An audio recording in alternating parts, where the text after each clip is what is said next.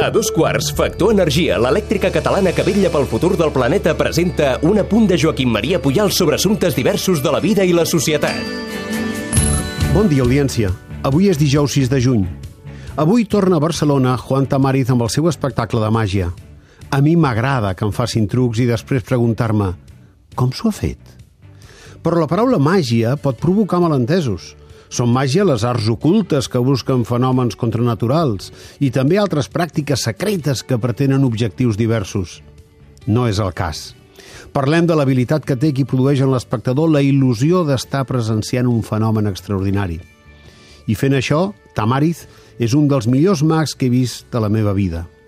Una vegada, tots dos, davant d'una taula amb la llum concentrada al centre, em va explicar una història deliciosa, en un to de veu adequadíssim, fent les pauses quan convenia i al mateix temps distribuint naips que prèviament m'havia fet barrejar.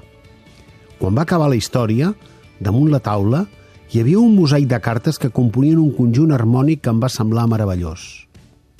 Com s'ho ha fet?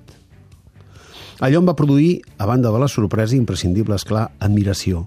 I puc assegurar que aquella contemplació em va provocar plaer. Un plaer semblant amb tots els respectes i sabent-ne les enormes diferències, el que encara experimento cada cop que m'embadaleixo amb el quadrat màgic de Franklin. 64 caselles que són un prodigi de simetria i d'harmonies.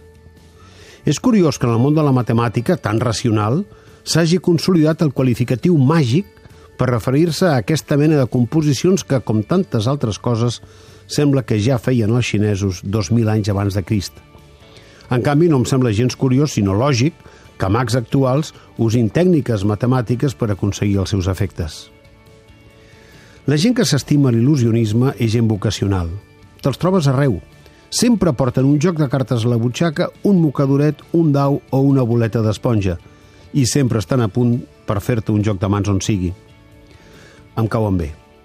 Canito, aquell jugador que de l'Espanyol va passar al Barça per tornar a l'Espanyol, entretenia els seus companys a les concentracions o durant els viatges fent trucs senzills. Al restaurant Xicó et menjaves un bon bacallà mentre l'amo, en Joan Llobet, et feia jocs divertits. El Cafè Teatre Llantiol de Barcelona ha estat cau de molts professionals i Cal Estapé, El Ingenio, El Rei de la Màgia o El Màgicus són botigues on els barcelonins hem anat a comprar objectes senzills que ens havien de permetre sorprendre familiars i amics a les festes de casa. Com s'ho ha fet? A la televisió vaig conèixer un mag modest, però amb un cor immens, Jordi Branya.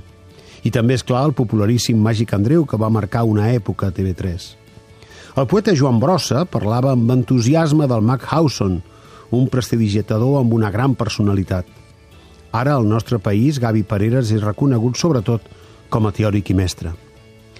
A finals d'abril passat vaig anar a veure el mag Sergi Armentano al Teatre Neu de Gràcia – érem 20 persones al voltant d'una taula.